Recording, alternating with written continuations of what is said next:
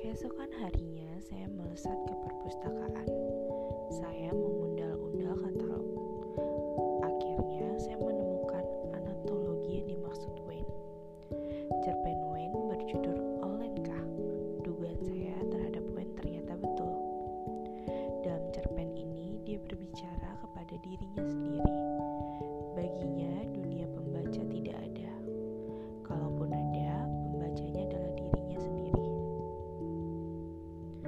saya tidak tahu.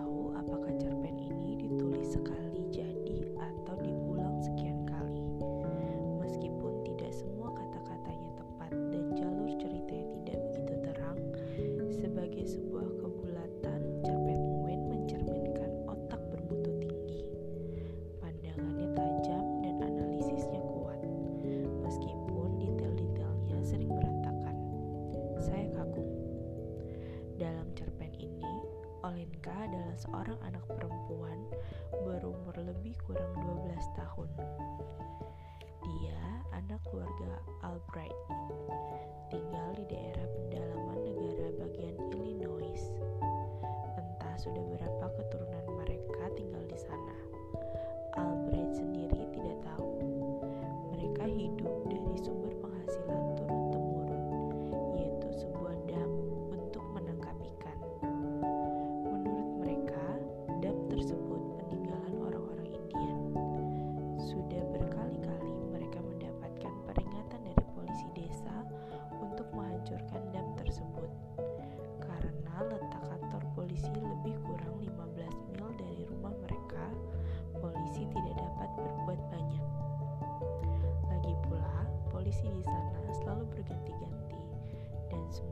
hati lunak. Mereka tidak pernah bertindak apa-apa selain mengurangi perintah mereka. Tibalah Gerlan John Albrekin menjadi polisi desa. Yang dikerjakan yang pertama kali adalah memeriksa arsip lama. Tidak seperti polisi-polisi sebelumnya, Albrekin galak dan tegas. Dia meluruk Albright berpura-pura tidak tahu apa-apa. Yang diberi kekuasaan untuk melawan polisi adalah Olenka.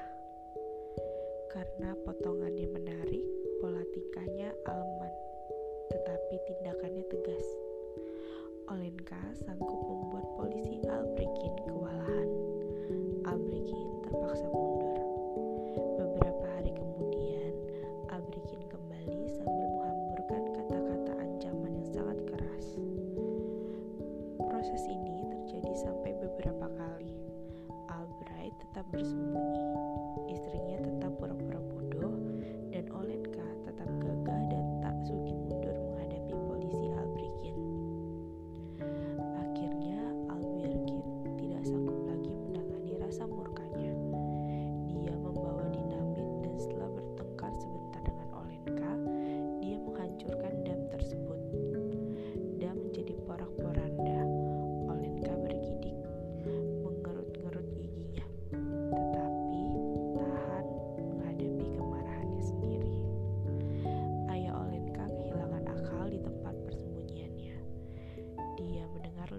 akan dinamit dan merasa jantungnya lah yang meledak-ledak.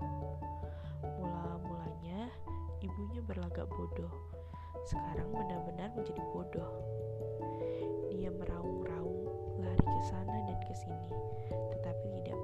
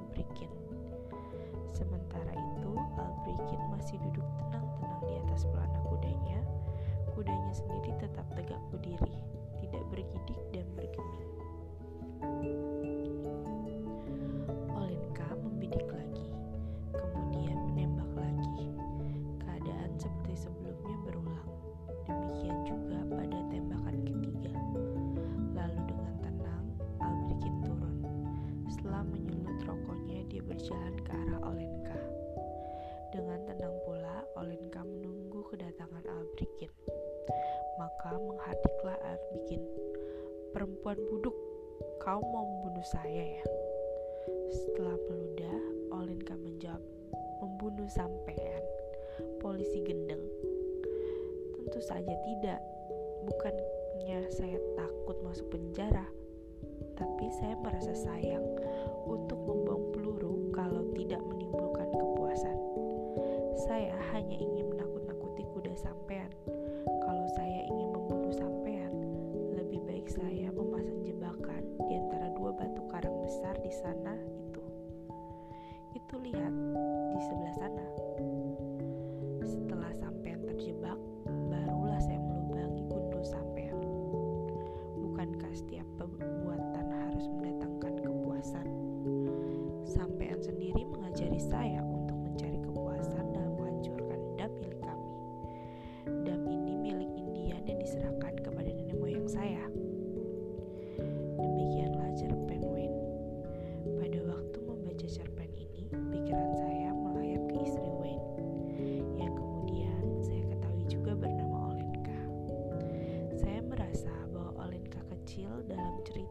adalah penjelmaan Olenka tua istri Wen.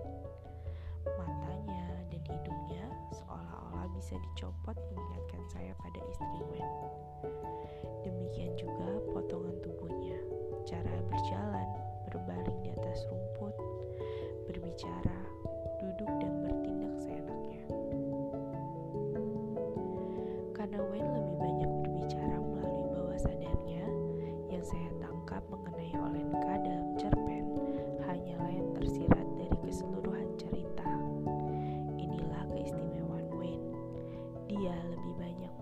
sugesti daripada fakta. Dia memberi kebebasan imajinasi pada pembacanya. Cerpennya lebih mirip puisi daripada prosa.